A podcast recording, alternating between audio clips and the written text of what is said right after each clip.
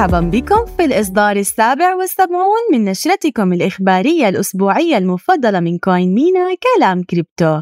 هذا الأسبوع يواصل المنظمون الأمريكيون هجماتهم الشرسة على قطاع العملات الرقمية مما يدفع بالعديد من الشركات إلى الخارج. كما وارتفعت هيمنة البيتكوين إلى 50% من إجمالي القيمة السوقية للعملات الرقمية. وإليكم أحدث الهدايا والعروض المقدمة من كوين مينا. كل هذا وأكثر لذلك دعونا نبدأ في نشرة هذا الأسبوع من كلام كريبتو. أخبار عالمية. المنظمون الأمريكيون يحاربون العملات الرقمية. في الأسبوع الماضي رفعت هيئة الأوراق المالية والبورصات دعوى قضائية ضد بايننس وكوين بيس وصنفت العديد من العملات الرقمية على أنها أوراق مالية. ومع ذلك فإن طبيعة الدعاوى القضائية ضد المنصتين مختلفة تماماً حيث تتعلق التهم الموجهة إلى كوين بيس ببيع الأوراق المالية غير المسجلة.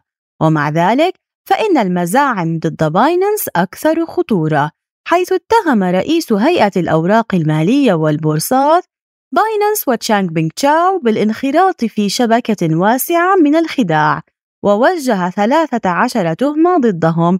بما في ذلك خلط أموال العملاء وتزوير تداولات العملاء لتضخيم حجم التداول على Binance الولايات المتحدة وذلك على غرار منصة FTX وعدم كفاية حوكمة شركة Binance US تسعى لجنة الأوراق المالية والبورصات الأمريكية إلى تجميد جميع أصول Binance ومن المقرر أن يقوم عملاء الخدمات المصرفية في Binance بقطع دعم مدفوعات الدولار الأمريكي في الأسبوع المقبل.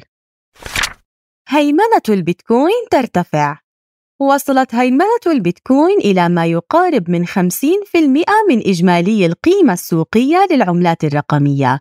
وهذا هو أعلى مستوى لها منذ إبريل 2021 وبينما شهدت العملات الرقمية البديلة مثل سولانا وماتيك ودوج كوين وإيدا خسائر كبيرة بسبب شائعات عن قيام شركة عقارية تجارية ببيع محفظة استثمارية بقيمة 2 مليار دولار.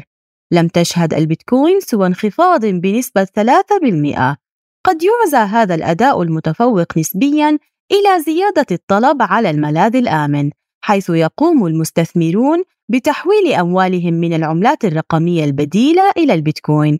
فدعونا لا ننسى أنها العملة الرقمية الأكبر والأكثر سيولة على مستوى العالم.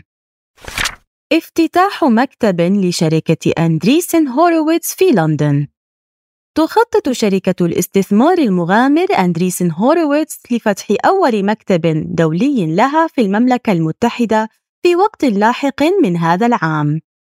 يأتي هذا القرار مع تكثيف الإجراءات التنظيمية التي تستهدف العملات الرقمية في الولايات المتحدة.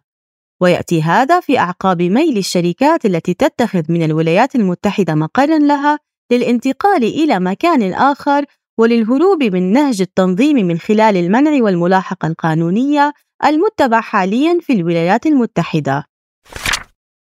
مدونة الأسبوع اقرأ مقال المديرة الإدارية دينا سمعان حول الإجراءات التنظيمية في الولايات المتحدة وماذا تعني هذه التطورات بالنسبة لنا في الوطن العربي. أخبار CoinMENA. مسابقة لربح 1000 USDT.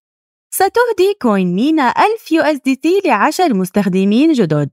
للتأهل تحقق من حسابك لربح 100 USDT العملة المستقرة الأكثر شعبية في العالم. خصم على رسوم الإيداع عبر البطاقة. ادفع رسوم 2.5% فقط عند الإيداع بالبطاقة بدلاً من 3.5% حتى الرابع عشر من يونيو. أودع تداول ووفر الآن. اختبر معلوماتك الرقمية.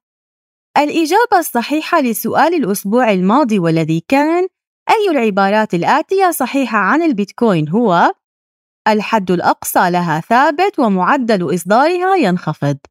أما سؤال الأسبوع هو تختلف البيتكوين عن العملات النقدية في أنها ألف تمتلك معروضا نقديا محدودا ب معدل إصدارها ثابت أم ج ألف زائد ب تجدون الإجابة الصحيحة في النشرة الإخبارية القادمة أو تفضلوا بزيارة موقع جامعة كوين مينا تجدون الرابط في صندوق المحتوى.